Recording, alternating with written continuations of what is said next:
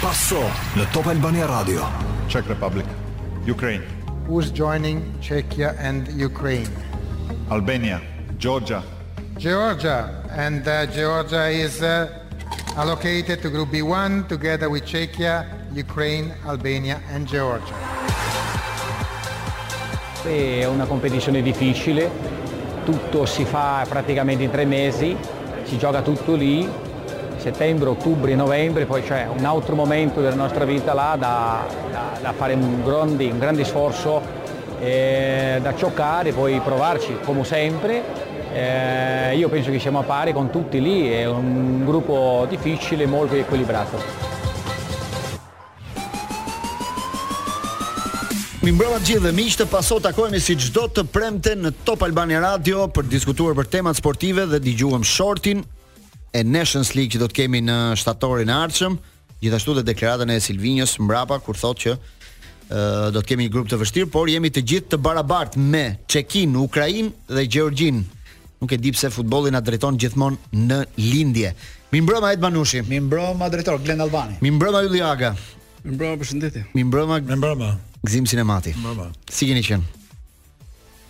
Ta fillojë Manushi. Hajde, fillo Manushi. Fort, fort. Pari. Kemi mirë të karikuar, kemi një paso spektakolare, siç thua dhe ti vetë ka Jo, kjo javë ka qenë e mbushur me ngjarje sepse është shok, do komentojmë pak shortin. Janë gjithë nga i çik. Do komentojmë pak deklaratën e djeshme të presidentit Ceferin, i cili bëri një deklaratë shumë të fortë, duhet analizuar pak se çfarë po ndodh në në kre, me kreun e UEFA-s do flasim për fundjavën europiane, për kampionatin.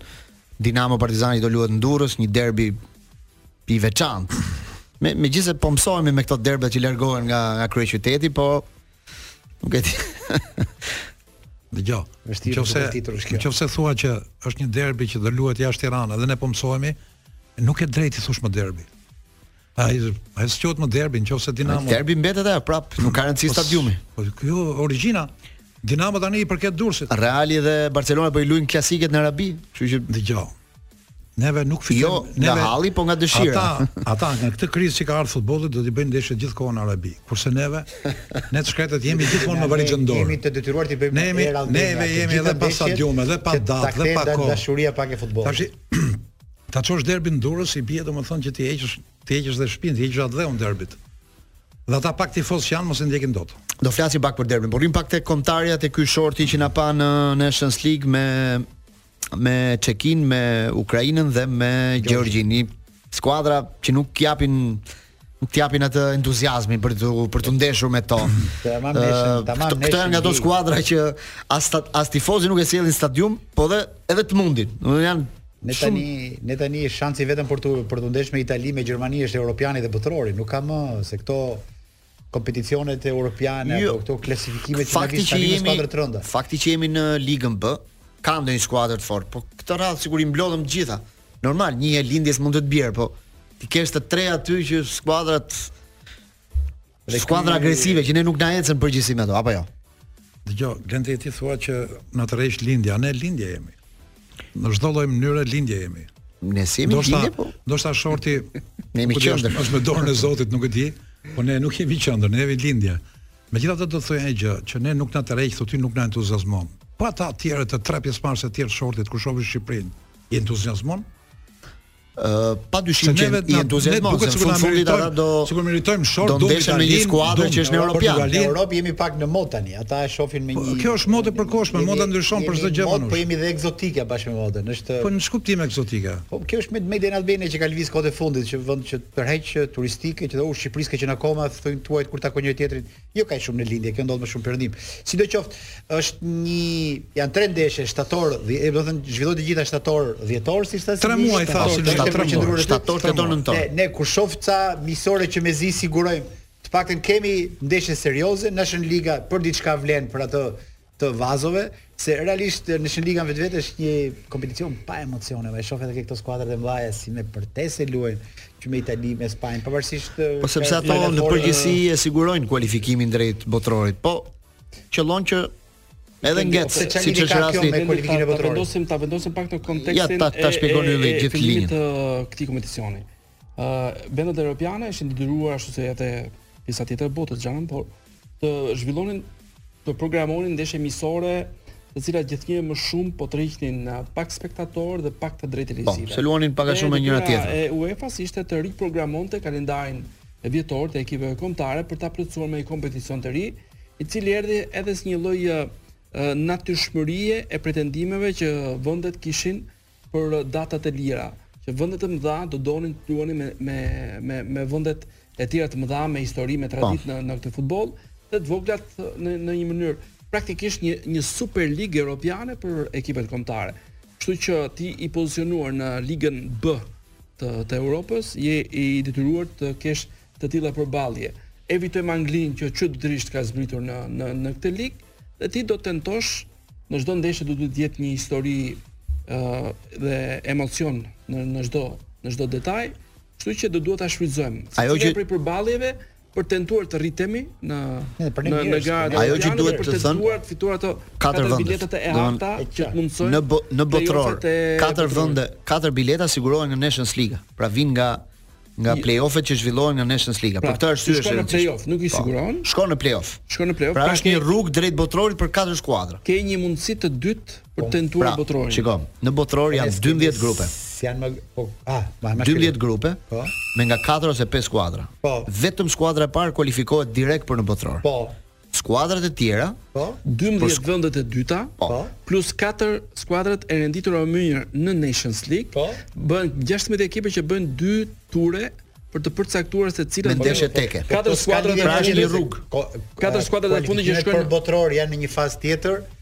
Po, Nations League ka mbaruar ndërkohë kur mbaron, ka një lloj renditje në Nations League, krijohet një po, renditje. Në mars nëntor të 2025-s janë eliminatoret e botërorit. Po dolim ne të parët në grup dhe ke grupi me 5 skuadra dolim të dytët neve. Çfarë ndodh? Ne po dolim të parët këtu, shkojmë me me shumë mundësi, shkojmë në play-offin e play -off. sepse është dhe mundësia Glen që në në raundin e parë që janë 16 ekipet e, e, e Ligës A, të jetë shumica e tyre ekipeve që të kualifikohen aty dhe pra ne Pra ti duhet të bësh sa më mirë, do në renditjen në grupin tënd. Ka pra një stimul në këto skuadra, po ka një stimul. Ke të hapur një derë për të tentuar botërorin. Na na pak pas reklamës, të lutem se jam një çik konfuz për këtë. Rikthehemi përsëri në paso. Pyetjet e tua jo, për Nations jo, League. Do të thënë ka një stimul që i pari në Nations League stimulohet për kualifikimin pa. Po. e botërorit të ardhshëm që zhvillohet në Amerikë ku e kemi Amerikë, Meksik,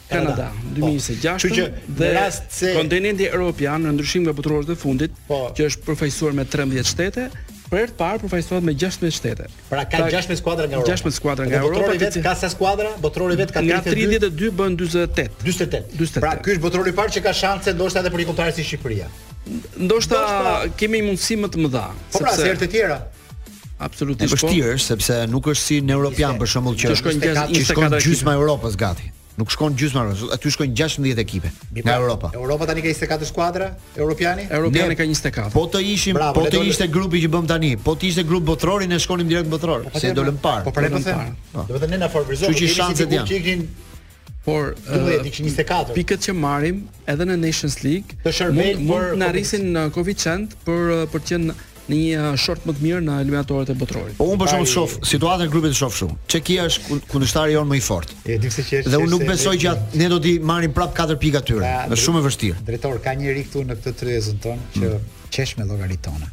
Edhe ka të drejtë. Pse qesh? Pse qesh se thotë sa sa larg ikët more çuna. Do të thënë si ne po shohim botërorin. Jo vetëm po shohim, po do të po bëjmë kalkulime për çkunë. Po ne edhe europianin larg e shikojmë. Edhe ka të drejtë që qesh dhe unë jam ai që qesh në këtë rast. Le të frenojmë pak. Ajo është një Isha për ty kjo qeshja besoj. Okej. Okay. Jo. Për ty e kisha. Manush nuk është vetëm se ju e thoni, e thonë në përgjithësi gjithë shqiptarët. Jo, sa hidhet shorti. Dorin të shpjegoni të skemën, a?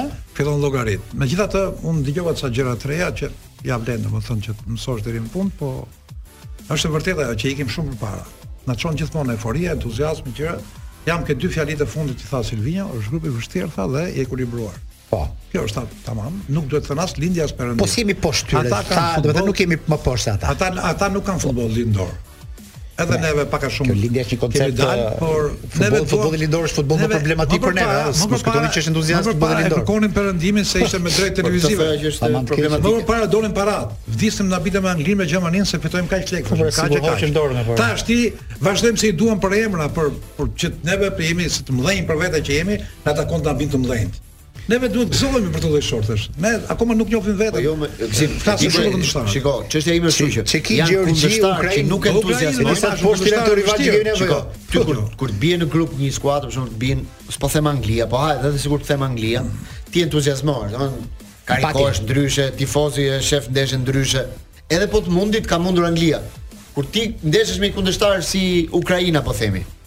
Është një kundërshtar që ne gjithë po çmuar kanë qenë historikisht nga me Gjorgjin, me Ukrainën, me këtë logjika çu ka qenë. Jo, më ishte mundësia që të binte në short. Sot futbolli ta sjell pa sa Uelsi. Po të bie Uelsi, pse Gjorgjia? Të drejtë morale për të gëzuar kur të bie Anglia, kur të bie Italia, ia vetëm atyre që shesin bileta.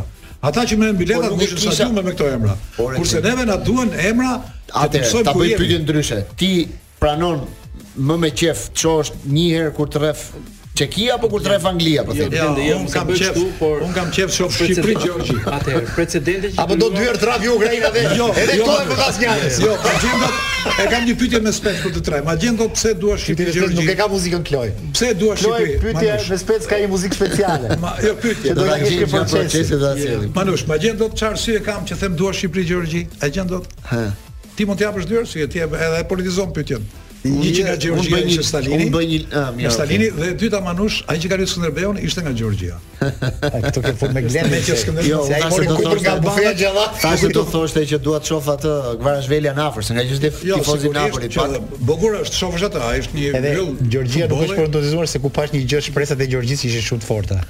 Domethënë pra Gjeorgjia ka qenë nga ata kundërshtarë që ka bërë më shumë rritje vitet e fundit. Ne kemi bërë një miqësore me Gjeorgjinë para dy vitesh. Dhe unë kam mbetur i impresionuar nga niveli i asaj skuadre, shumë elementë cilësorë, Vili Sanjol është trajner po. Është trajner dhe ka po, bërë punë të jashtëzakonshme, por për t'u rikthyer tek llogaritë, precedenti që krijuam në këto eliminatore, duke patur në grup Çekinë dhe Poloninë. Se jo mos ata tentojmë dhe gjë tjetër tani në Shikoj, yeah, në Banë Rajtë. Unë them që këto eliminatore është shumë e vështirë që të përsëriten. Për aq nga perfeksioni që jo, ndodh. Po pse jo? Po mirë më mirë është. Ne me. Ky është mendimi im, po, ai ta pranoj. Ta përmbyll te Nations se ka një ka një batutë. Ka një batutë Gareth Gareth Southgate kur nisi edicioni i parë se ky është edicioni i katërt. Edhe po mundohej të bënte një analizë me ata lojtarët që e pyesnin çfarë është ky kompeticion. Për çfarë luajmë, ku do shkojmë, ku do dalim. Edhe ai Gareth Southgate shkurt Tha, çuna e kam lexuar, nuk kam kuptuar asgjë. Ajo që di është do të hyjmë në fushë për të treguar që jemi Anglia, fitojmë ndeshjen tonë. Që ka të drejtë. Kështu që neve, edhe ne duhet të luajmë ndeshjet. Mos merremi me. Disa informacione kalendari është përcaktuar sot i ndeshjeve. Shqipëria fillon në Ukrainë ndeshjen e parë në datën 7 shtator. diku jashtë Ukrainës, pastaj në po. Poloninë. Jo, domethënë ndeshja e parë jashtë me Ukrainën, pastaj e dyta do të jetë mbaroj me Ukrainën. E dyta do jetë me Gjeorgjinë në Tiranë, në Air Albania, pastaj me Çekinë jashtë, me Gjeorgjinë jashtë dhe dy ndeshjet e fundit me Çekinë dhe Ukrainën i luajmë në shtëpi, domethënë. Interesant. Kjo është deri në 19 nëntor mbyllet gjithë rrugëtimi në gjithë në këtë eksperiencë. Ndërkohë, është hedhur dhe shorti për Kosovën, Kosova luan me Rumaninë, Qipron dhe mbetet për t'u përcaktuar Lituania ose Gjibraltari skuadra e fundit. Do të ketë një play-off në muajin mars. Do të bëjë një play-off me njëra-tjetrën ato do shohin kush do jetë në grupin A, kush do jetë në më fal, kush do jetë në C, kush do jetë në D. Kosova pas ndërsa si më i thjeshtë shorti. Janë përcaktuar edhe Rumania që krijoi një problematikë edhe në po. edicionin e kaluar edhe pak me sfond politik. Janë përcaktuar edhe grupet e tjera, nëse ke interes, grupi 1 është pak nga skuadrat e forta. Kroaci, Portugali, Poloni, Skoci. Grupi 2 që është dhe pak a shumë grupi i ferrit, siç thonë, Itali, Belgjikë, Francë, Izrael. Po, ky ishte grupi i fortë. Grupi 3 Holanda, Hungaria, Gjermania dhe Bosnja dhe grupi 4 Spanja, Danimarka, Zvicra, Serbia. Dhe Zvicra Serbia është një ndeshje e ndezur këtu shumë interesante për të. Ndoshta nëse do të jenë akoma Xhaka dhe Shaqiri në kombëtare mund të ketë Patëm edhe pas botërorit e patëm edhe një një test tjetër. Po gjithmonë është një ndeshje e ndezur domethënë, sidomos mbas atyre po, shqiponjave që bënë. Po janë ata ka shqiptarë të tjerë te Zvicra. Po ata kanë qenë çik më ata që krijonin pak ato tensionet në në fushë. E vështirë të përsëritet ajo që ndodhi në Rusi në në, në ndeshjen mes uh, Zvicrës dhe Serbisë. Po. Ndërkohë, ë uh, do doja Klod të ndjekim pak klipin e Ceferinit dje. Nëse ke gati, të ndjekim dhe diskutojmë edhe pak minuta për çështjen e Ceferinit dje. I've decided let's say around 6 months ago that I'm not planning to run in 2027 anymore. The reason is that after some time every organization needs fresh blood but mainly because I was away from my family for 7 years now and I will be away from them for 3 more till 27. I intentionally didn't want to disclose my thoughts because of two reasons. First, I wanted to see the real face of some people, and I saw it. I saw good and bad parts. I can always look myself in the mirror. And I have a beautiful life in football. I have a beautiful life out of football as well. Një deklaratë që i habiti të gjithë ditën e djeshme në kongresin e UEFA-s kur Ceferin, edhe pse e miratoi rregullin e famshëm për të cilin pati një kontradiktë me Zvonimir Boban pak ditë më përpara, u miratua pra që mandati i tij i parë nuk njihet si Një, domethënë tre mandate duhet të jenë të plota për një mm -hmm. president që hyn në fuqi, por ai vendosi që në vitin 2027 kur mbaron ky mandat i tij i fundit ai të mos rikandidojë më në postin e presidentit të UEFA-s dhe dhe ishte pak dhe nervoz në konferencën e shtypit duke i habitur të gjithë me këtë Pak a shumë me këtë vendimarrje që bëri ju si e patë. Pastaj ju jap dhe unë një mendim që më lindi sot. E para punës një, ai ka një ka bërë një tërheqje mbrapsht. Në kohën kur kishte konfliktin me Boban, ai ishte i bindur që do ta kapte edhe një mandat tjetër mbas kësaj. Domethënë ishte luftonte për atë. Dhe kjo tërheqje e këtij e këtij momenti më duket sikur ka prap ndonjë ndonjë lloj hile brenda. E di çfarë s'habitem fare sikur ai del në 2026 dhe thotë Bota e futbollit më kërkon dhe jam i detyruar t'i shërbej, kërkoj falje familjes time dhe një katërvjeçar. Do do më vuajnë mua se do ishte pastaj se ti e pe ç'fliste aty. Se njëherë e theu, domethënë po, tha, po, do thotë do bëjmë tre mandate pastaj ajo do ime do vuajë edhe katër vjet, po unë ja kam dhënë shpirtin futbollit, kështu që do jap dhe çik për këtë familje, kështu që është. Kështu mendoj unë diçka si aty. Ose mos ka planifikuar zëvendësuesin e vet. Unë mendoj Manush që një sinjal e ka marrë që është larguar, sepse ai nuk largohej. Kthesa ishte menjëherësh brenda natës. Ë dhe nuk është pak që i doli kundra Federata Angleze. Para ca ditësh bëri deklaratë. Ishte vetëm i vetmi karton i kuq që ishte në Bobanit, mas Bobanit në, që i dha një shuplakë të madhe që ishte në krye të UEFA-s, është federata më me peshë, që del dhe thotë që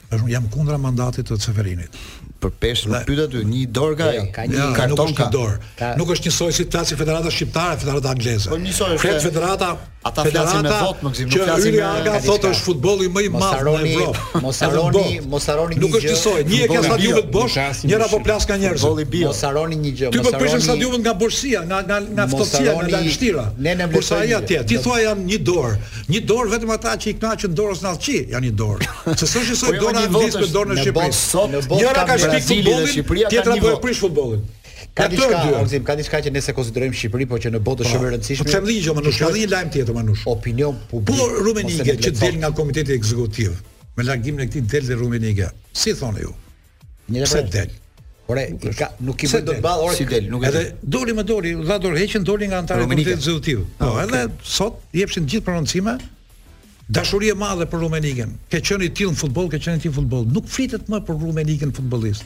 Më duket si një diplomaci e keqe e këtyre zyrtarëve. Flit për Rumenigen aty brenda në në në komitetin ekzekutiv, sepse kur iku Platinia s'foli njeri sa i madh ka qenë, sa topa të artë ka marrë, ça bëri. E përcollëm harrun punë. Platinia ka qenë më i madh se Rumenige me trofe. Nuk foli njeri se kishin hallin e karriges. Edhe këtu për të shkuar Rumenige në vend dhe të mbyllë gojën se çfarë ndodh brenda në UEFA, i thonë ke qenë futbollist i madh, akoma i kujtojmë ndeshjet e tua, i thoshë Rumenige. Te koha e Blatërit dhe Platinis nuk do lëvizte qepallën askush në raport me opinionin publik. Diçka aty ka ndryshuar dhe opinioni ka ndryshuar, Manush dhe ajo është. Po opinioni i trondit këta. Mos kujto ti që Ceferini nuk e ka marrë në konsideratë se ça ka dyndjen e opinioneve që kanë ardhur që ej ç'po bëhet? Mos do na kthehesh ti në diktator futbolli tani. Dëgjo, Manush, mos harro se ka nxjerrë librin Platini, atë Re Nudo, domethënë mbreti lakuriq. Edhe ke libri mëson ti domethënë që Platinia, një nga lojtarët më të mëdhenj me, me emër të madh në futboll, kur kthehet zyrtar në fund fare u bë, megjithëse pretendon në libër që ka qenë novator, kam bërë këtë, kam bërë këtë, Në fund fare iku dhe ishte deja, ishin shumë agent, domethënë specializuar që ti kur i dëgjon, thua pse ç'punë kanë këta në futboll. Ti je i sigurt që Ceferini ka ikur me një tërheqje veshit të bukur. Largohu nga futbolli se do marrë me ty. Kupën e botës që s'e merrte Spanja gjithë jetën kur ju puna që ju më pa personalitet në konferencën e Ceferinit pashë një lloj nervozizmi. Pra ai bëri dje dy gjëra që përplaseshin me njëra tjetrën, se në njërin krah zgjati u votua pra zgjatja e mandatit, që ai të qëndronte një mandat, në krahun tjetër doli e tha unë do iki. Pra ishin dy gjëra që përplaseshin. Dhe pashë një lloj inati në deklaratën e tij. Pra i thotë e lexova që ai s'do të ikë, po ata po e detyrojnë të iki. Po pra ja po, po ja pra do të thotë po dikush i thotë po ja bëj qejfin ju. Stop, po. Unë mendoj politika do. Edhe largimi politikë e madhe, ëh. Edhe largimi Boban më përpara e ka kuptuar që ky po shkon drejt largimit dhe ai do të U largua nga nga nga Ceferin.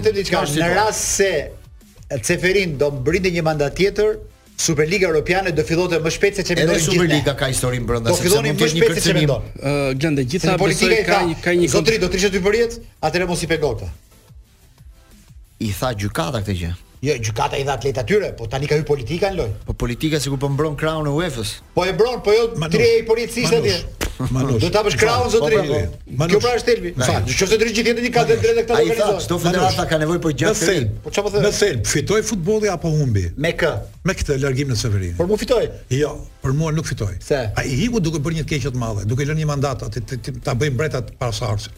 Jo, nuk e bën mbret pas arsin. Jo, po pse të bëjë tre mandate edhe ai drejtuesi? Ç'kuptim po jo, ka? Po tre e ka lënë ai, tre është po mandat. Po pse të rrijë tre? Po nuk, po nuk. Jo, jo. Çfarë? Çfarë të mirë jep kjo me tre mandate? Ky do të bënte katër ore. Ky do të bënte, ky nuk quante vitet që mori po në. Po pra, atë mandatin e parë trevjeçar nuk e quante.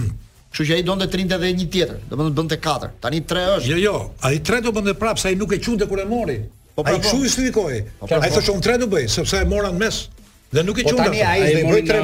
2016-ën, mandatin e parë e bëri me 3 vite. Po pra, po. Ai pretendoi që do duhet të jenë mandate të plota. Po, të jenë plota, po. Dhe në deklaratën që pasoi, besoj që kishte një kontradikt të madhe, fakti që e bëri një betejë shumë të madhe për të patur tre mandate të plota, sepse Nuk besoj që do të ketë më përplasje të tilla po. për të krijuar një mandat, një gjysmë mandati për dikë tjetër. Vetëm nëse një president i UEFA-s largohet mes mandati për një skandal apo ku di unë për gjë tjetër. Njerëzit janë pak të interesuar çfarë fytyrash pa Ceferini të mërzitura apo të gëzuara pas këtij momenti, ai nëse e kishte për standardin, do të mjaftohej të thonte që nëse është problem, Nëse mendoni që po e bëj për veten time, po e tërheqim si propozim, nuk po e hedhim fare në votim. Nuk kishte pse krijohej po, pra po. kjo lloj situate. Ai donte dhe... t'i tregonte që shiko, unë federatat i kam me vete, po unë do iki prap 2027. A di çfarë jam me Manushin që ti çfarë duhet të pretendoj që ruaj diskutimin. Shkojmë pa publicitet. Në 2027 do të tentoj të shkoj se kemi apo kemi pra. limitin do të themi prap.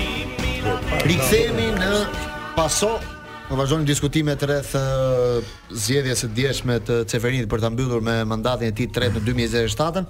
Na është bashkuar dhe Redi Jupi. Redi, mirëmbrëma. Mirëmbrëma, mirëmbrëma. Uh, po diskutonim pak me Gëzim Sinematin, Ylli Agën dhe Ed Manushin në lidhje me deklaratën e djeshme të Ceferin. Nuk e di si e pe ti këtë vendimin e tij që pak edhe përplasej sepse në njërin krah U votua zgjatja e qëndrimit të tij dhe për një tjetër mandat, në krahun tjetër ai doli dhe tha, Në dy mijë e njëzet e shtatë-ën do të largohem nga UEFA. Jepini ndonjë kafe Yllit se është bërë për kafe që do iki Çeferini. mbaheni, mbaheni me të mira. Ylli bëj si të bësh, do gjejmë një tjetër ti. Dëgjo. Po Ylli ka një të drejtë, ai i ka dhënë shumë futbollit. Jo, unë isha pse jo. ai për të mirë jo, futbollit. Pse po bëri këtë betejë? Nuk e di pse. Jo, është shumë e çuditshme sepse në fakt ai ai duhet nga ky kongres duhet doli i fituar, po themi, nëqoftëse mund të quhen fitore këto kongreset e e Koreano veriore që bëjnë këta FIFA dhe UEFA, më kupton, por në të vërtetë ai arriti ato që donte, pra shtimin e mandatit, pra që një mandat i filluar në mes nuk quhet një mandat i plotë, pra që mund të bënte dhe rikandidimin për më tej. Në por pra në një kongres në cilin ai mori një farë konsensusi nga komuniteti i futbollit, që mendoj se do e kishte, po mendoj që edhe mund të plasë diçka aty brenda. Mm. Dhe nga ana tjetër shumë i nervozuar dhe shumë uh, polemizues dhe me një fjalor shumë brutal në që nuk i shkon një presidenti të një të një institucioni kaq të rëndësishëm uh, siç është UEFA në, në konferencën e shtypit. Nuk e di a e vutë re, po edhe gjatë kongresit në në fjalimin e tij. U pa një lloj nervozizmi. U pa një lloj nervozizmi.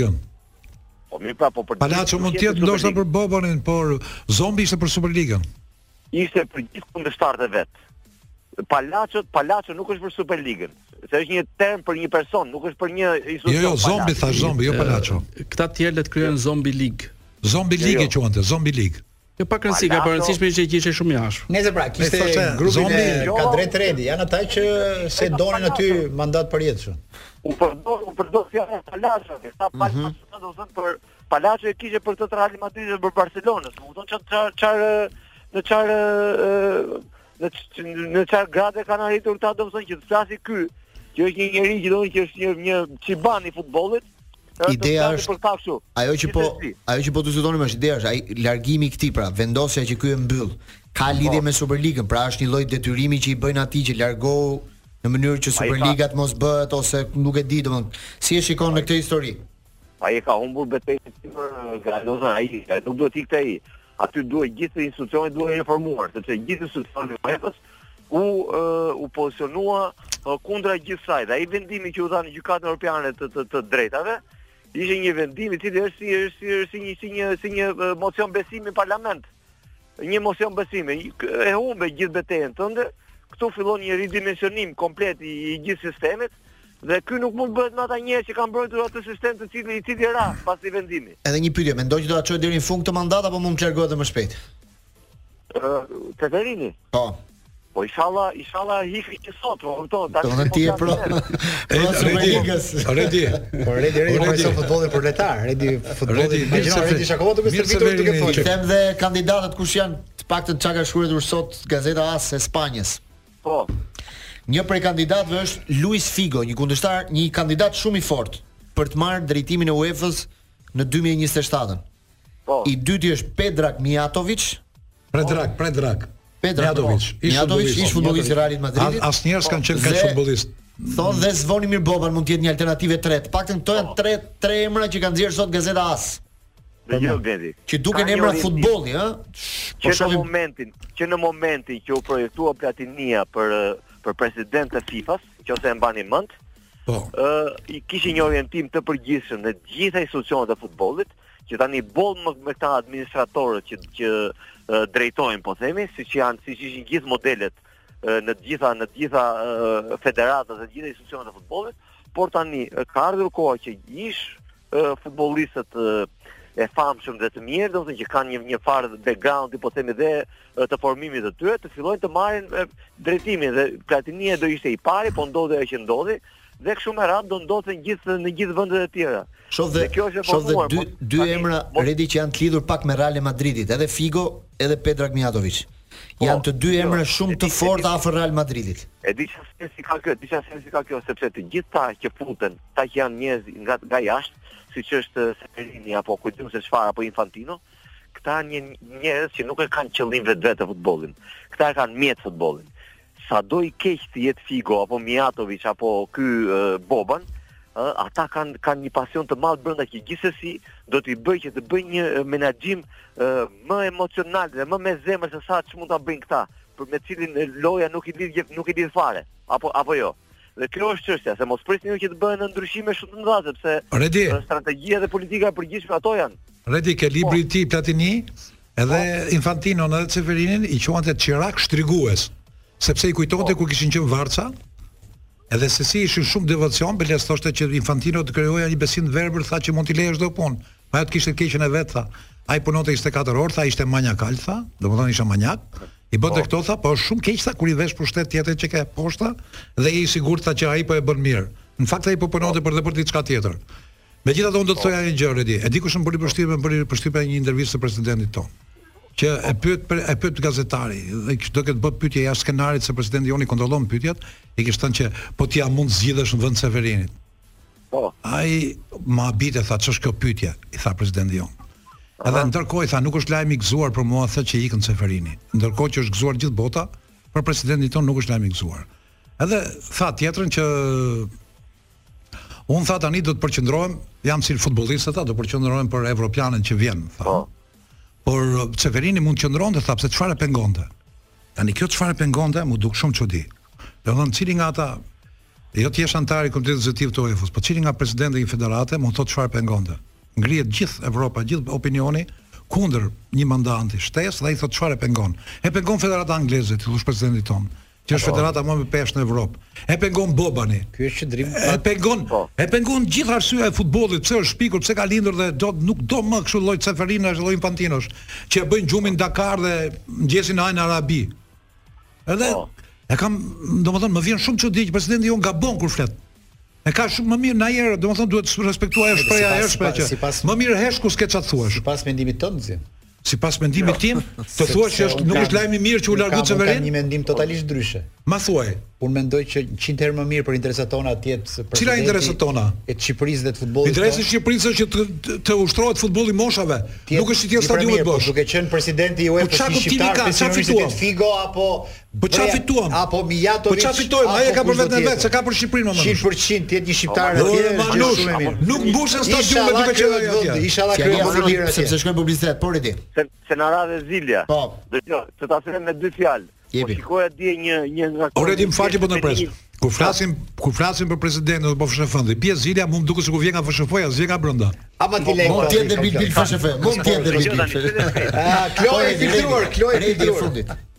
Jupi. Ka qenë një emision ky Çelentano me këtë me me Beninjin, domethënë i thoshte i thoshte Berlusconi ky Beninji.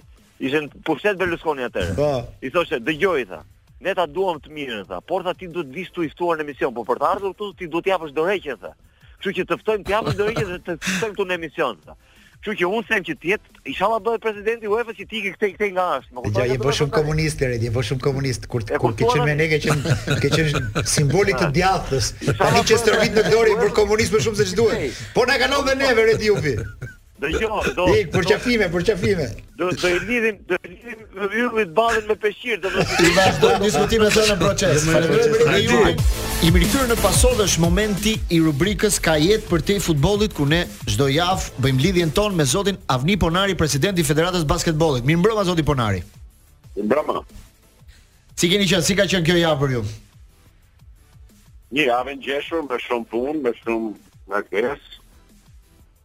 Natyrisht me shumë gjëra të reja, gjëra të bukura, gjëra me interes të veçantë për dikun dhe për ne.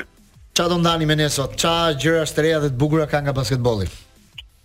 Basketbolli vazhdon normal vazhdon përgatitjet e ekipit kombëtar që do të shkojë në në Armeni, në fund të shkurtit, vazhdojnë grumbullimet e tyre, trajnerët e rinj me ekipet kombëtare të cilat janë në fazën përgatitore tani dhe fillojnë përgatitjet për veprimtaritë e verës dhe vazhdojnë ndeshjet e Ligës Unike dhe përgatitjet për për aktivitetin e Ligës Unike në fund të marsit që një lajm është që kjo ligë, Liga Unike do quhet Liga Unike Lajfiza. Lajfiza do jetë sponsori i i kësaj lige dhe natyrisht dhe kjo kupë do dorëzohet dhe të organizohet në emrin e Ligës Unike. Pra një hap i ri, një, një, një gjë e madhe, një sponsor i rëndësishëm që afrohet ke liga. Po, është gjë e mirë, gjë interesante dhe natyrisht dashamirësia e e presidentit të Lejt Rizes, okay. Hajri Elezi, për ta mbështet këtë aktivitet ishte e rëndësishme. Ju nuk keni qejf me u përmend emra të biznesit, po... Nuk ka, pak... nuk ka problem në këtë rast, por në realisht, domethënë, për çështje reklamash, do t'jemi pak më të kujdesshëm. Zoti Ponari, si shkoi podcasti me kryeministrin e sekretarit të përgjithshëm basketbollit? Këtë për këna është një nga, nga problemet që unë do doja ta flisja me ju. Cilin? Sepse, sepse, Znesi dhe mediat do të mhm. jenë të lidhura bashkë. Nuk është herezi që një gjatë një emisioni të përmendësh ekipe, të përmendësh biznese të mira apo ato që mbështesin shumë sportin, shumë apo artin, apo diçka tjetër, sepse kjo ndodh në gjithë botën. Ndaj dhe janë sot për shembull ne kemi shumë pak emra Nëse do të thotë kjo ja vlen të diskutohet shumë në ekipet e sportit. Ne jemi kthyer tek emrat e vjetër Partizan, Dinamo, ku di unë Luftëtari, ku di unë se çfarë emra. Dakor, jemi dakor, po nuk kemi nuk jemi tek ato emra modern të kohës që janë emrat e kompanive moderne, që janë emrat e e atyre sponsorëve që t'i afrojmë ata. Po në qoftë ne i quajmë ata si në qoftë ata na futen si padashur në një emision në një emision dhe themi të ruhemi tani se na doli ky i i presidenti na doli presidenti i Sigalit edhe tani mos ta përmendim atë sepse kjo është reklamë për Sigalin. Po jo nuk është reklamë, ajo është përpjekje e gjithanshme për t'u rritë edhe biznesi, edhe sporti, edhe po, arti, po, të rriten së bashku. Reklama është tjetër gjë. Këshillë, këshillë, këshillë e saktë ishte kjo. Domethënë edhe neve duhet të mësojmë se në për, po ecim të gjithë bashkë në për shtigje të reja. Ku ta gjejmë që të kemi sponsorë të jo, rëndësishëm në sport. Kjo është shumë e rëndësishme. Po të jap një shembull që është për mua është një nga nga shembujt më interesantë dhe mendoj që ja vlen. Ah. Para disa ditë mu përpara zyrave të mia, këtu ishte një një kamerë dhe një një gazetar të Euronews-it. Po. Euronews përballë zyrave të mia.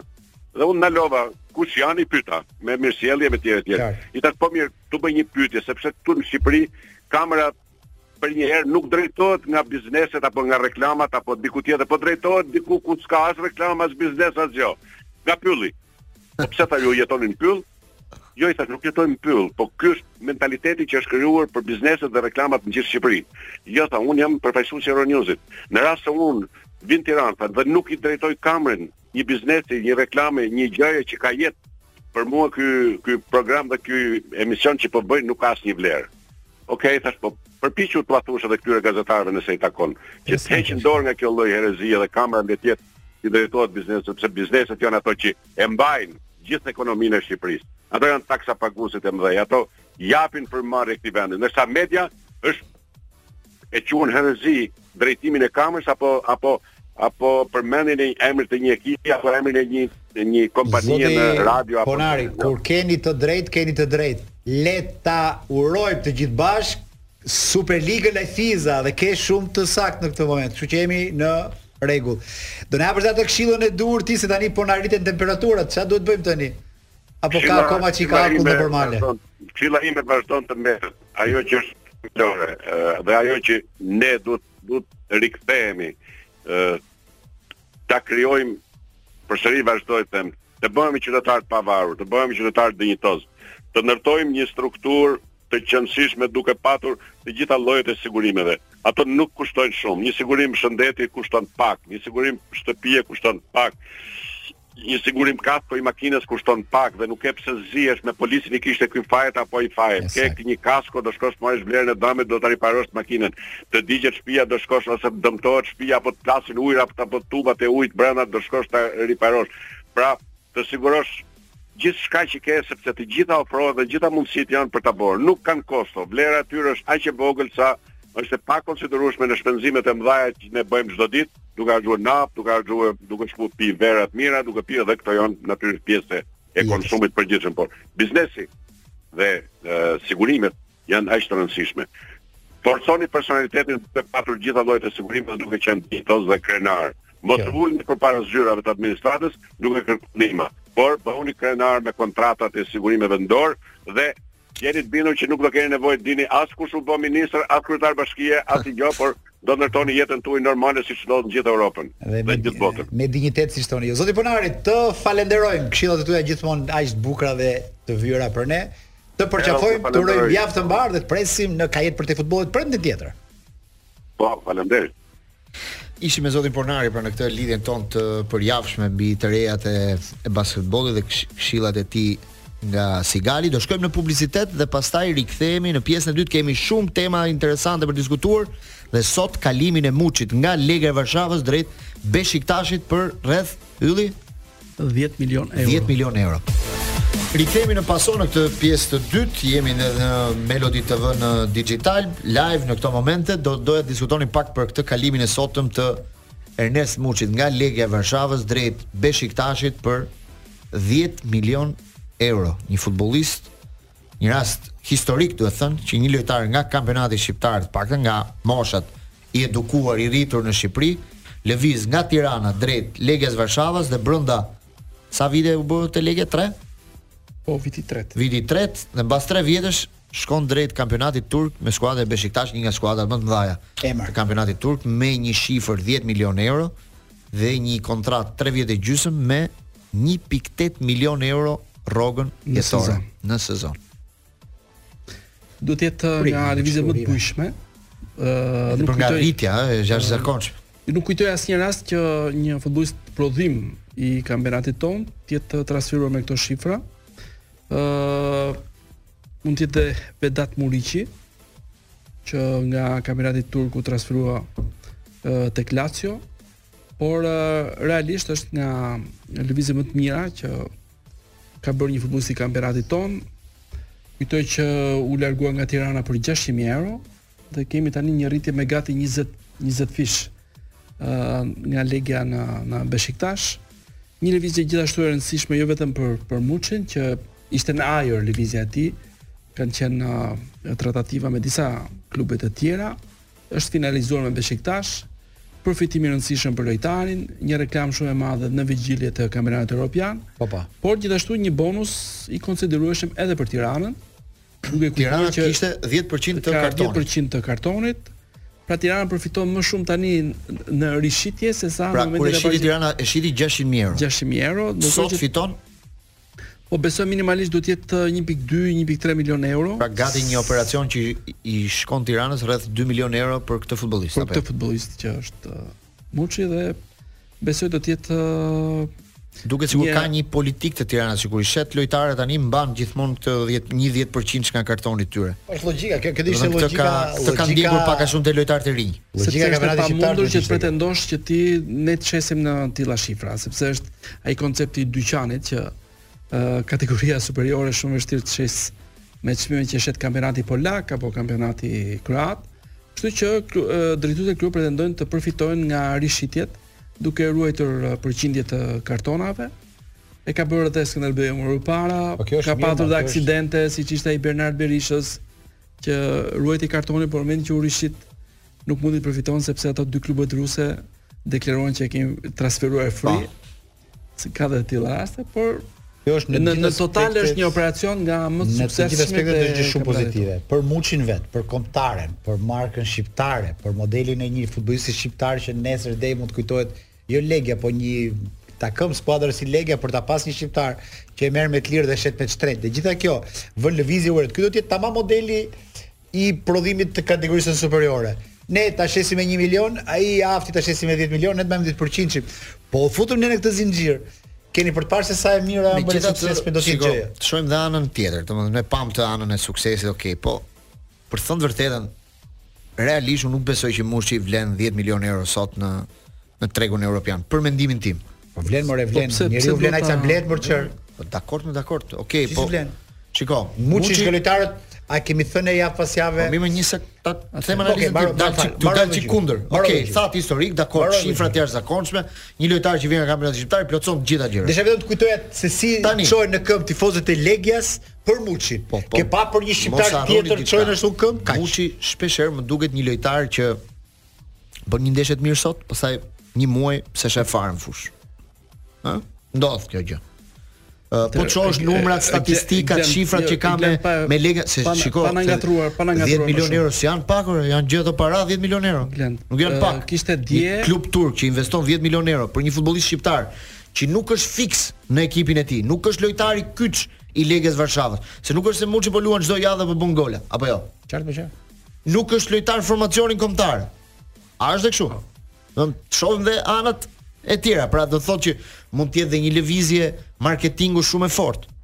Më kupton lëvizje menaxherësh, ka shumë gjëra aty brenda. Uh, Glend, uh, realisht nga të gjitha informacionet, Muçi ka qenë target i shumë klubeve, të paktën nga pesë ligat kryesore, që mund të ishte një tra, një mundësi për t'u transferuar atje. Po lexoja një intervistë të një ish lojtari të Legias Varshavës që komentonte një transferim të mundshëm të Muçit në drejtim të Fulham dhe e kritikonte klubin që kishte mbajtur çmim 20 milion euro për Ernest Muçin duke pretenduar që është një çmim i frikshëm, 20 milionë euro nuk mund të bëjë gjithë skuadra e Legias Varshavës. Po, 10 milionë që është e vërtetë euro mund të jetë deri po, edhe edhe shifra që i vuri Chelsea Brojës, 50 milionë euro. Dhe unë nuk vlen ajo çmim, nuk janë çmime këto.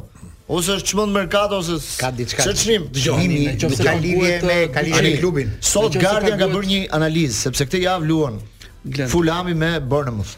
Dhe thotë, bën një analizë. Në 4 vjet thotë,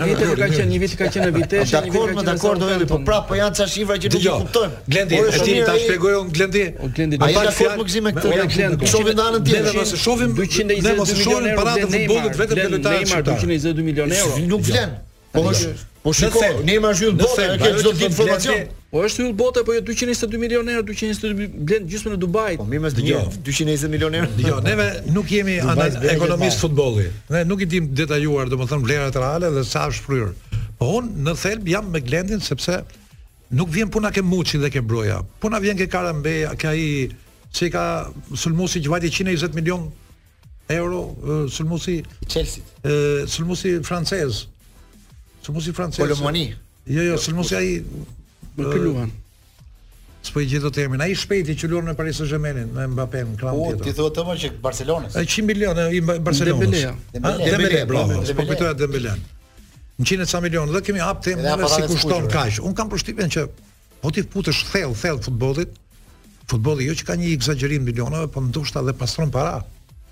Nuk e di se si mund të jetë ajo, po kjo fryrje e madhe dhe kjo mospërshtatje e madhe midis vlerës reale të futbollistit dhe çmimit të madh, Mu nuk ma mbushin mendjen ato që dalin dhe analizojnë. Ja. Kaq bën e majta, kaq bën e djathta, ja. kaq bën koka. Ja, ma, a ka mundësi të ndërhyjë atë? Dëgjoj. Ai është futbollist i mirë, kokulur. Ai thotë Glendi është vërtet, po sa nuk ka luajtur rregullisht. Nuk ka luajtur rregullisht. Edhe në kombëtare që ne është fol gjithmonë mirë për të, pra ai ka disa shpërthime në disa momente që është një fenomen. Ka bërë një gol me Ishujt Faroe me ne.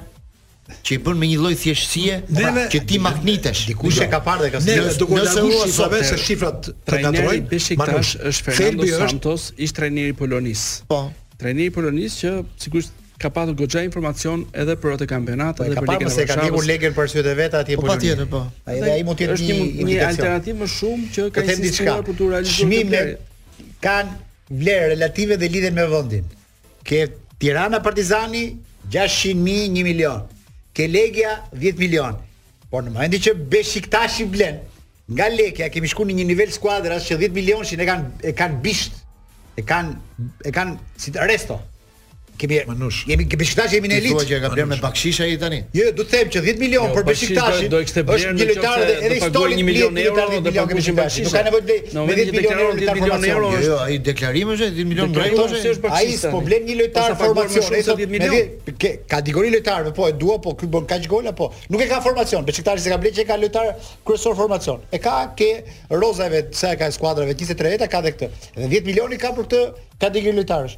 Tani, nga Beşiktashi, qoftë se i bën Zoti do, ecin mirë gjërat dhe bën kërcimin në kampionat anglez. Unë do dhjeta, unë do pranoja këtë. 40 50 që ata shohin shohin te ai një potencial për të rritur. Po patjetër. Pra kjo është çështja që unë po, po ja. sot ndoshta ai 10 milion. Dëgjo. Ata si më thon luajn po, bëjnë edhe pak bast në këtë histori. Inshallah fiton ai. Ata bëjnë një bast. Në rastin e Muçit që thua ti inshallah ecën mirë në Besiktash edhe të shkojë të ketë një vlerë tjetër. Po ti shikoje Brojën, si e quajtëm ne këto vitet me me me me Chelsea. Që shkoi mirë. Si e quajtëm? kur bëhet analiza. Po, po shiko çfarë çmimi ofron Chelsea po, pastaj. Që mbas dëmtimit ka edhe një që mbas dëmtimit. Po vetëm ka një gjë mo Manush, edhe tjetra mo, nuk është puna vetëm sa luan në fush. Më duket sikur sa luan edhe nëpër media. Ai ka qenë gjithmonë i lakuar. Ai më shumë ka luajtur në media, me të është luajtur shumë në media se sa në fush. Po për Brojën. Për Brojën në këtë rast. Po, mirë se Broja ka qenë gjithmonë i lakuar, gjithmonë në në qendër të ciklonit. Po je në Londër mo Gëzim. Brenda, po jemi në Londër, po dhe pa luajt. Bulevard po, Londra ka shumë lojtarë si Broja. Çfarë rëndësie ka. Londra ka 10 klube vetëm në Premier League. Po çfarë rëndësie ka, po ka. Por do të thoja këtë që tabloida. Është dhe aq sa Glendi çfarë, është dhe lojë marketingu është. Janë shumë arsye brenda që ne nuk e gjejmë dot çmimin real të futbollistëve sot. Nuk e di, domethënë sot duhet të qeshin ata futbollistë të mëdhenj të botës, që si thoshte ai që e mora Platininë për dy panine, thoshte Anjeli i famshëm, që lojtarët e mëdhenj yjet kanë pasur çmim shumë simbolik, kurse sot blen me me me, me miliona euro blen lojtarë që nuk bëjnë histori. Ishte një deklaratë duke... herë Rednap para disa kohësh. Ka lek më shumë se futbollistë aktiva për lek ka më shumë se futbollistë. Sulmues dhe pasi mbyllën gjithë rradhët. Ishte mirë flas. Ë menaxheri kërkoi bonuse për gola dhe assist. Dhe përgjigja ti sulmues me këtë çmim, po për çfarë po të blej ty përveçse për gola dhe për asist? Po tamam. Menaxheri hedh, hedh ku i dihet, thotë ky. Gjithsesi ne pa diskutim ne i duam vetëm të mirën Muçit sepse ai është një lojtar i ri, është vetëm 22 vjeç. Mbush 23 në mars. 23 vjeç në mars, domethënë është në në kulmin e, e karrierës së tij, ka potenciale zhvillimi të jashtëzakonshme, thjesht ajo që shpesh herë ne ia kërkojmë është që ai të jetë më më konstant ose më i vazhdueshëm në performancat e tij. Edhe në kombëtare dhe e shohim shpesh herë që uh, ka ndeshje që ne duam me patjetër që ai të jetë në fushë. Ia kërkojmë trajnerit sepse aq pak sa shohim si një kombëtare. Ai luan shumë pak. Me aq pak sa ka vërtetë. Unë do të përdoja një shprehje nga ato që Gëzimi ka qejf. E ka stof. Bën futboll shumë ai djalë. Me aq pak minuta sa lu. Është fatkeqësi që ai nuk lu më shumë minuta. Është një futbollist shumë i rrallë shqiptar. Dhe unë uroj me të vërtetë që në Turqi të ketë pak më shumë, se nuk e di nëse Besiktashi është Champions League apo është në Europa League. Besiktashi. Ë në Conference League. Conference League është tani? Nuk e di saktë këto mendoj. Po do të jetë Conference League. Po. Është pak a shumë po shikoja pak renditjen që kanë kampionati ndodhen në vendin e tretë, po dy vendet e para janë me 63 pikë, në kampionatin turk, në ndërsa sezon... Besiktas është në vendin e tretë me 39, pra është çik larg garës për titull, por është e rëndësishme që ata të ruajnë zonën zonën Europa League, zonën europiane. Në këtë sezon Muçi është aktivizuar në 34 ndeshje. 34 ndeshje. Sepse ka patur goxha aktivizime edhe në Conference League dhe autor i 9 golave. 9 gola. S'është gjë pak ajo.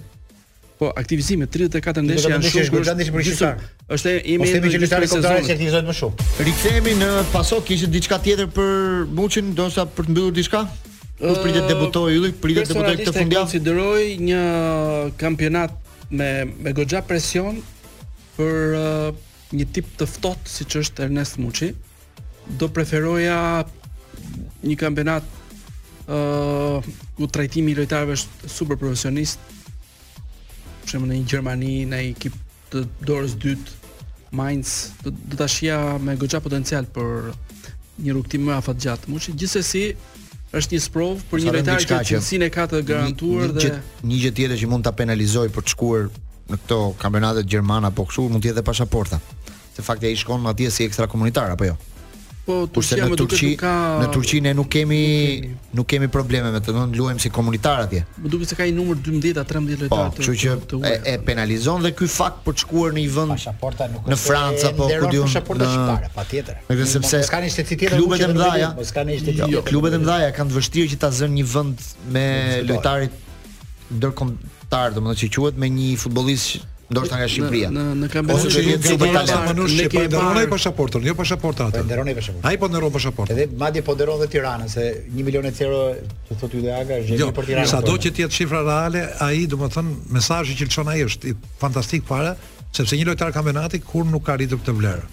Qartë, qartë. Edhe nuk po e quaj 10 milionë, po mesazh për 600 mijë deri ku shkon ata që luajnë futboll, që ka dritë në fund tunelit. Është dhe një reklamë në në në vende si si Polonia që kanë qenë goxha skeptik për për futbollistët tanë. Kujtoj shumë lojtarë që kanë hasur vështirësi aty. Tani do ta shohim me një sy tjetër. Çështja është ne kërkojmë si gjithmonë gjithë luajë. Ne kur vjen ai kombëtar në Rumani me futbollistët e Kosovës. Futë 5 minuta, 5 minuta. Kemi ne, ne fatin e keq që kemi ke këto, kjo lindje ekstreme që na merr ca lojtarë, mo ca Rusia e largët dhe Azerbajxhan, ca lojtarë që mund të jetë stili i Muçit. Po ja Polonia për shkak që ka një vitrinë më interesante, Hungaria në vetvete një gjë më interesante. Është Legia, është Legia vetë. Legia vetë është, është, është markë e mirë. Pra këto lojtarët, ne nuk e di, këto menaxherët, shkojnë ke leku i shpejt që na jep Azerbajxhani larg e kështu gjërash dhe ne ikin atje. Këto sikur të kishin këtë tregun e kësaj pjese të Europës, mund të kishin mundësi për një katapultim më interesant. Problem, problemi është që kur ne shkojmë direkt nga kampionati jonë, për shembull, bëjmë një lëvizje në Francë apo në Gjermani, gjithmonë ngecin. Kemi pas rastin e Roshit, që bëri një lëvizje ngeci. Po, kemi pas rastin e Skukës, shkoi në Francë ngeci. Një natë ke Anderlehti mëja. Bazën që tha ishte gabimi i jetës. gjithashtu, që shkoi te Anderlehti ngeci.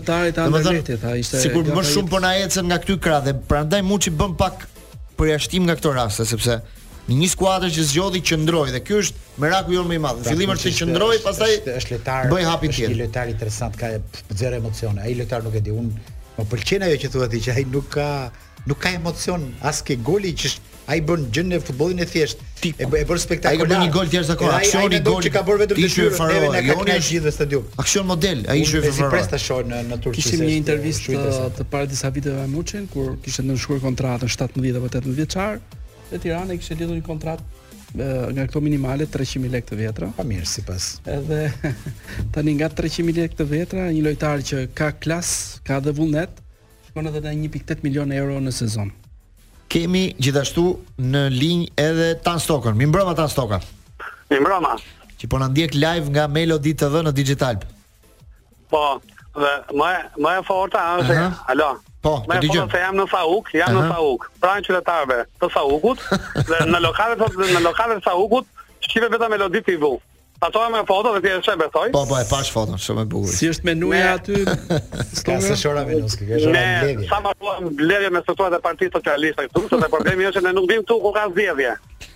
Është ky është qëllimi. Jemi pranë qytetarëve çdo ditë, çdo javë, çdo muaj. Kjo është. Kam një ka, kam për të rrëfyer diçka Gëzimit. Këtë javë pata një udhëtim me Tan Stokën nëpër korridorin e gjatë të hipotekës, kati i dytë ose kati i tretë, ku punonin nja 2-300 punëtorë, më duket gjithë si indianë me kompjuterat të vegjël kështu. Faktikisht gjithë polisi. Se i hapi dyert hipoteka. Po po, dhe unë duke ecur me Tanin nëpër ato korridore, gjithë ngrinin kokën dhe shef njëri, shef tjetri. Tani ishte mbreti i kësaj situate dhe aty kuptova që ky njeri ka këtë potencial dhe njerëzit e duan dhe aty në Sauk ka bërë me të vërtet punë të mirë. Kështu që doja vetëm të përgëzoja, po ju dhja ka ka merakun e menusë, ka ndruar menuja apo vazhdon e njëjtë?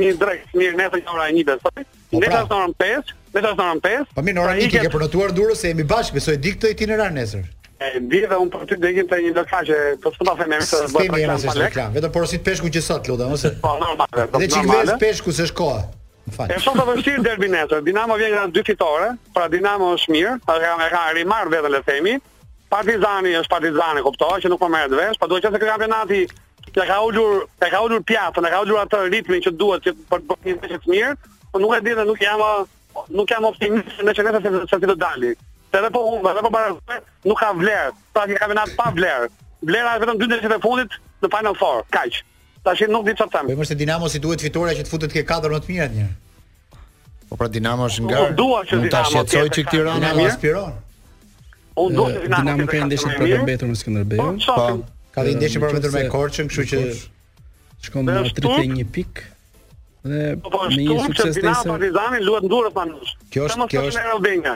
Manush. Kjo është një diskutim që nuk e nuk di nga ta kap sepse disa disa po Dinamo ka bërë kontratë me stadiumin Niko Dovana, që nuk ka si po dhe kjo si ta çojë dëm kontratën të vit luajnë Po dhe kontrata në vetë vetë duhej shmangur që në fillim më po, vlen të jetë derbi. Ajo kontratë që ka bërë Dinamo vetë federata s'do ta lejonte. Atë kontratë që ka bërë. Domethënë s'po thua ti komplet historinë e Dinamos. Atëherë po, thuaju njerëzve tamam, që kjo Dinamo s'ka lidhje me Dinamon e dikurshme. Kjo ndrysh, e ndryshon emrin, e ndryshon qytetin, ndryshon këtë, ndryshon atë.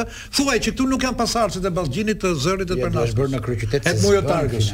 Kjo derbi. Thuaj, ç'është kjo? Kush është kush është kjo që e çon Dinamon Durrës?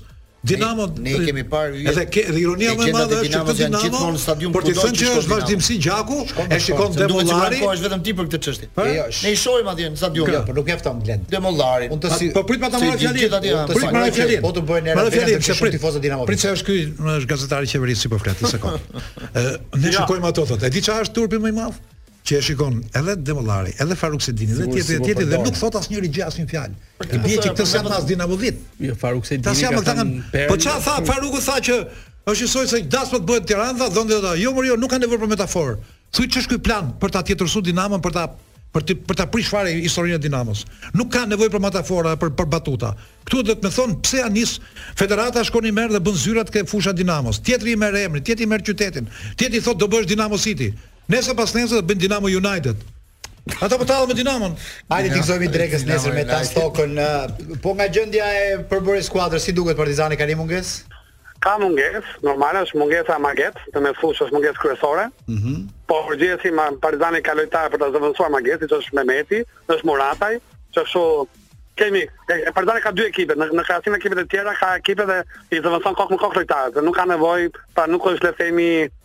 Ai se kemi që nuk ka mundësi me i zëvendësuar.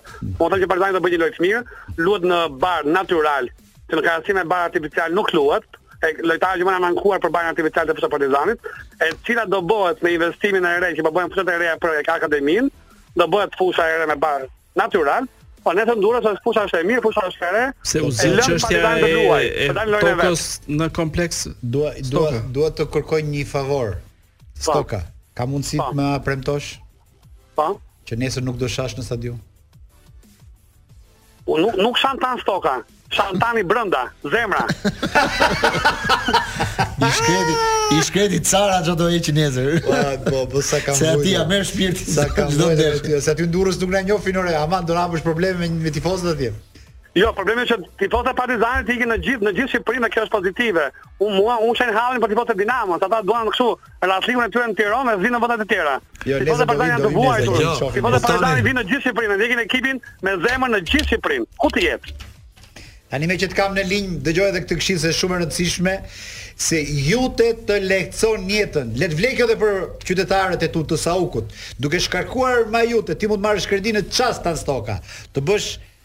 Pagesa të shpejta me kod QR është ajo qëra e famshme ose të blesh me këste te partnerët tanë Iute në të gjithë Shqipërinë. Kështu që Iute Tan, ajo është partneri ynë në Procesi dhe pasha. E falenderojmë Tan Stokën. Faleminderit. Mbetemi në kontakt. Ndërkohë që java e kampionatit ofron dhe këto sfida. Egnatia luan me Laçin, e pret, pastaj Vllaznia me Teutën nesër në orën 5, janë dy sfida në orën 5 edhe Dinamo me Partizanin. Ndërsa të dielën do jetë Tirana Erzeni dhe Skënderbeu Kukësi. Këto janë duelet e e kësaj jave në kampionat ku në renditje Egnatia është në vendin e parë me 47, 10 pikë më poshtë Partizani 37, Vllaznia 34, Tirana 33 dhe Dinamo 28. Domethënë Dinamo ka një shans që ka dhe një ndeshje të prapambetur që mund t'i prish pak rehatin Tiranës dhe Vllaznisë që janë dy skuadrat më të arritshme në në këtë renditje të katër skuadrave të para. E ka e ka objektiv kam idenë vendin e katër. Të heshtur. Patjetër, pse jo? Nëse nesër arrin të bëjë një rezultat me me Partizanin dhe ata mund ta mund ta shpresojnë një gjë të tillë apo jo? Në mënyrë të padiskutueshme është vetëm java e 23, mbeten edhe 13 javë tjera për të luajtur 39 pikë në lojë. Dhe flasësh për diferencë me me me 3 pikë nga nga vendi i dytë, pastaj është vërtet uh, goxha e parikuperueshme. Okej, okay, ne do të shkojmë në publicitet, po ju kujtoj që pas pak do flasim pak për kampionatin gjerman. Këtë javë luhet Leverkusen Bayern. Uf, kampionati spanjoll luhet Real Madrid Girona nesër. Në një parë vetë ditë. Në kampionatin italian ka dy përballje shumë të forta, Roma me Interin dhe Milani me Napolin këtë javë, kështu që Kemi një situatë të ndezur. Ylli do bëj pak pushim me kampionatin anglez këtë javë, s'ka ndeshje të forta, kështu që dhe me Tonin Tërshanën, kur vjen pranvera, rikthehemi në këtë pjesë të dytë në Paso në rubrikën tonë të përjavshme, Je i lashtë o Manush. Dhe Ylli Aga thotë si s'na ngjisin këto këngët e reja siç na ngjisnin këngët e Tonin Tërshanës, dhe ka të drejtë. edhe shumë të tjerë. Je ulur në një vend ku ai që qëndron aty shpesh herë nuk njeh asnjë nga këto këngë. Se i ka ardhur vallë gjithë. Ai, ai që ka qenë ulur në këtë vend të Yllit, din vetëm këngën e Ilir Shulkut. ka bërë bujë një deklaratë e dy yjeve të Manchester United këtë javë në Angli, Roy Keane dhe Gary Neville kanë deklaruar që kanë dyshime që skuadrat italiane në fundin e viteve 90 dhe fillimin e viteve 2000 përdornin doping. Dhe këto dyshime i kanë hedhur në një podcast që kanë me njëri tjetrin në Angli, duke ngritur një tymnajë të madhe tani në në këtë situatë për pastërtinë e futbollit italian ato vite. Dhe gazetarët hulumtuan me kë është ndeshur Manchesteri në atë kohë, po pak a shumë ishte ndeshur me gjithë skuadrat italiane, me Interin, me Milanin, me me Juventusin. Dhe ata i referohen disa ngjarjeve që kanë ndodhur në ato vite, siç ishte dalja pozitiv e Pep Guardiolës dy herë në përdorimin e dopingut, da, e, arrestimi dhe burgosja e doktorit të Juventusit Agricola në vitin 2004 dhe pas skandalit që ndodhi me çiklizmin, ë dalja e Paul Pogba këtë vit me doping Rezultimi i tij me doping, me doping këtë këtë vit, pra lidhur me një sërë deklaratash. Dhe Roy Keane ka thënë që kur luanim me skuadrat italiane në fundin e ndeshjes, i shihja fytyrat e tyre dhe dukeshin sikur nuk kishin luajtur fare. Janë deklarata pak të pa përmendur, nuk kanë përmendur as emra skuadra, as as emra lojtarësh, por pak a shumë kanë prekur në në atë kohë. I referohen dhe një deklarate të Zdenek Zeman, një njeri që ka qenë gjithmonë kundër sistemit, që fliste për thoshte që në vitin 90 thoshte që skuadrat italiane duhet të dalin nga farmacitë. Po, kështu thoshte. Qe një nga deklaratat e tij më bombastike. Ai kishte po, më po, shumë për Juven. Edhe jepte si shembull dorën e portierit Peruzzi që kishte një disproporcion me pjesët e tjera. Ge, uh, Gary Lineker disa vite më parë ka thënë që dopingu në futboll nuk ka vlerë, sepse nuk i nuk i lejon lojtarët që të perform të luajnë më mirë futboll. Ti nëse pi doping nuk është se do lush më mirë futboll, por mbas disa vitesh ai e tërhoqi këtë deklaratë dhe tha ka qenë një deklaratë naive, sepse dopingu i ndihmon lojtarët të vrapojnë më mirë dhe të vrapojnë më shumë.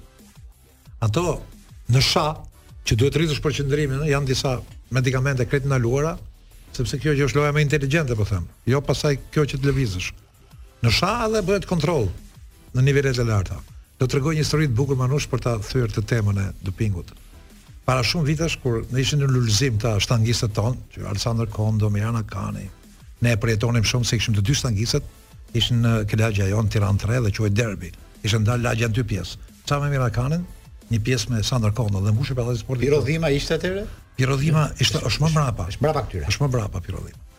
Edhe më vijnë drutë Manush, dy lata dru, po dy lata dru t'i mbash vetë është e tmerrshme. Në atë herë bënim shumë sport. Po ti ishe kati dytë, e ke pasur. Kati dytë. Na se ti llogarit dhe kafe. Direkt kati dy kishte ashensor atë. Kati pesë. I them be. I them Mir Hakanit. Po Mir Hakan i thashë, më kanë ardhur drutë i thashë. A më ndihmon dot? Tha vetë vetë vetë nuk të ndihmoj dot se do iki n'stërvitje, po të jap një kokërr tha. Më dha një kokërr. Ha mo që ka kokërr. Një ta pi kokërr Manush. Më pyet më vonë, ha më tha, si të duk tha. Le që mbajta drutë e mia i thashë. Po bridhja nëpër pallate i thashë, ndihmoja të tjerët, kush i kishin ardhur drutë. Po u tha multivitamin, multivitamin thashë ta, unë ça të thashë. Mirë që mbajta drutë e mia thashë, po mbajta drutë e të tjerëve i thashë. Kaq kaq fuqi më dha kokrra. Drutë duhet t'i shpjegosh edhe Glenit se Gleni s'i ka kap drutë. Kam kap, kam kap. Ku ke kap drutë? Po, po, po. T'i kapësh Manush, Se të njifshe shoferin e furgonit druve ku e di ti atë ato ndarje te dora. Një ndarje. Sa ka se ka se ku e ke fshon. Zuk, zuk ndarja më shumë. Po bëhej hile Manush sistemi vendosjes druve në po, formë po. lule. Po, po, do të njifshe shoferin e druve. Ti syn ai se druri ah. madh. Jo me kaq detaje sa ju, po ngritje. Ngritjen e ke kati dytë dhe më tepër e di. Domethënë, tjera pjesën tjetër e luleve këto nuk i di. Drutë ke. Lulen e drurit nuk e di këtë lule, se digjej më shumë as ishte jo, histori. Jo, jo, jo, që zinte hapësirën më në vend, nëse do i po, vësh drutë. Po, po, po. Në rregull me një një ka na një metër kub, ishte lata që po, që po, po, lata. T'i vësh që të ketë hapësirën mes dhe në vend bësh për shembull 200 prerje drusht, do bësh 100 e ca. Sa histori e bukur. Po kur i vinim drutë aty ke oxhaku direkt aty. Ke oxhaku s'kish ke soba se ça oxhak. Soba, ça oxhaku, pikë ça oxhak atë. Soba, ke soba. Oxhaku, oxhak kishte edhe partia. Edhe thekshim atë bukën sipër. Nuk e di, kanë qenë ca gjëra atë na shkatrrove me këtë kujtesë. Sidoqoftë, kjo puna e dopingut në Itali nuk është se nuk ka ekzistuar. Po ndonjëherë ka çik ekzagjerim nga nga këto, se unë mbaj mend dikur flisnin gjithmonë mediat franceze për Nadalin, historikisht. Pesëmbëdhjetë vjet janë marrë me Nadalin që Jo vetëm për Nadalin, po për doktorin Fuentes, si ka qenë spanjolli. Ata janë marrë me gjithë sportin ka... spanjoll thonin ata u morën shumë del nga dora e filanit, e, e mjekut filan. U morën gjerë e gjatë me këtë, po rezultoi që ishte gjithë një tymnaj në fund fare pastaj, sepse Çikon. Nga prova s'kishte. Gjitha, gjitha debatet që fliten tani lindin nga historia e Lance Armstrong, që për 6 vite kaloi çdo lloj kontrolli dhe asnjëri s'e zbuloi dot. Derisa ai u shpall 7 herë kampion duket i Tour de France, askush nuk e zbuloi dot që ai përdorte doping, derisa ai e pranoi vet më vonë. E saktë, domethënë diçka do ndodhi në një të ardhme, domethënë e vërteta gjithmonë do do zbulohet. Edhe Milani madje ka pas disa akuza për Olimpikun e Marsejës në 93-shën kur ka fituar Champions League-n, thoshin që lojtarët e Olimpikut në atë kohë mund të kenë qenë edhe në efektin e dopingut në atë finale të famshme që e mundën Milanin 1 me 0. Dopingu dhe sporti kanë Po, këto deklarata të bëra nga Roy Keane dhe Gary Neville marrin një tjetër një tjetër pamje kur bëhen, ata nuk përmendën emra, po prapë e hodhën një një dorashkë për debat në këtë në këtë histori. Shkojmë në publicitet dhe limitet e njerëzores dhe mhm. në momentin që Jemi këtu, sigurisht edhe dyshimet ngrihen janë të paevitueshme pas edhe komentit. Dopingu sportin ka bashkëjetuar, do bashkëjetojë dhe asnjëherë s'do ndahen. Puna është se sa e kontrollojmë dhe kush është zëri kompetent që e demaskon. Po një lojtar që ngrihet apo si ky e puna e, e, e Milanit e kishte gjithë inatin që humbi Champions League-n atëherë Kupën e kampionëve dhe ngrihet kundër francezëve. Ai ai Galiani që i nxori lojtarët Se u fiki çik drita dilni të ikim. E mbani mend që, ka qenë e madhe. Dilni ta, nuk u fusni më. Kthehemi për pjesën e fundit të pasos duke kujtuar pak ndeshjet e fundjavës ku Në Angli do kemi një duel derbi shumë interesant West Ham Arsenal. Nëse ka një skuadër që ka mundur Arsenalin këto vite është West Hami. Mos gaboj dy herë vitin e kaluar. Ka qenë na gjithmonë një kundërshtar mjaft i vështirë për Arsenalin dhe po flasim për Arsenalin e rimëkëmbur tani më të rikthyer pretendent. Pritet me interes edhe ndeshja e Declan Rice i cili shënoi një rekord vjet kur lëvizi nga West Ham në si kundërshtar për te Arsenali me 105 milion euro. Doktor kujdes jemi në Melody TV dhe sa u do të di kush është Bana Ruçi bashkohet me ne si gjithmonë në pjesën e fundit. Dhe ta vjedh pak mikrofonin. I dashur jo, sinemat. Jo, jo, jo, jo. Përshëndetje çuna si jeni mirë? Pas pak do jemi me Big Brother, Big Brother Radio. Big Brother Radio për të diskutuar çfarë ka ndodhur 24 orët e fundit. Keni mirë material këtë javë apo jo? Ë? Çdo herë ka material. Edhe atëherë kur duket sikur nuk ka. Bana ka shumë gjëra për Big Brotherin saqë na ka premtuar që do vijë në Trotuar të dielën.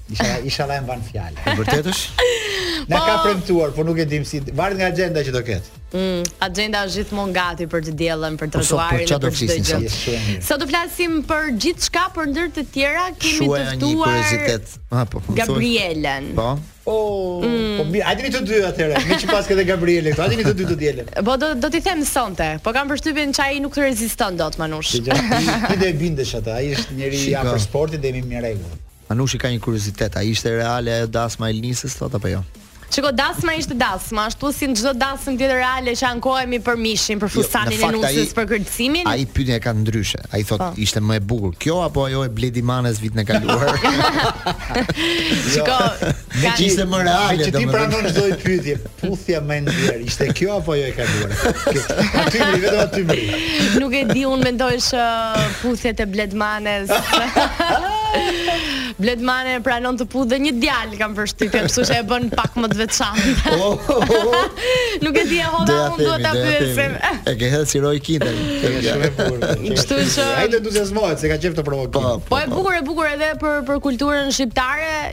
Që gjithmonë jemi duke eksploruar me diversitetin. Po lëvizin mirë në shtëpi, a?